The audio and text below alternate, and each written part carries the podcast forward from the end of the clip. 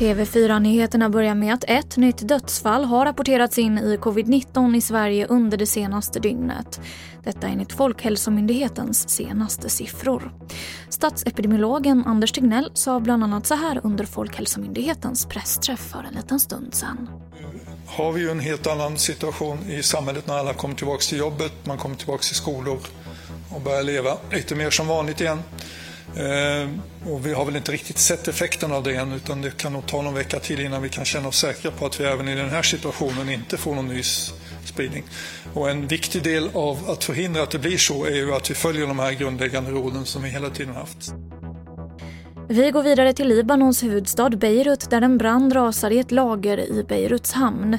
Det ska vara en kraftig rökutveckling och det är oklart exakt vad som orsakat branden. Och jag avslutar med att flygbolaget Singapore Airlines ska göra sig av med 4 300 medarbetare. Och det här är motsvarande 20 procent av bolagets personalstyrka. En stor del av nedskärningarna ska ske genom frivilliga uppsägningar, det här uppger bolaget. Och det var det senaste från TV4 Nyheterna. Jag heter Emily Olsson.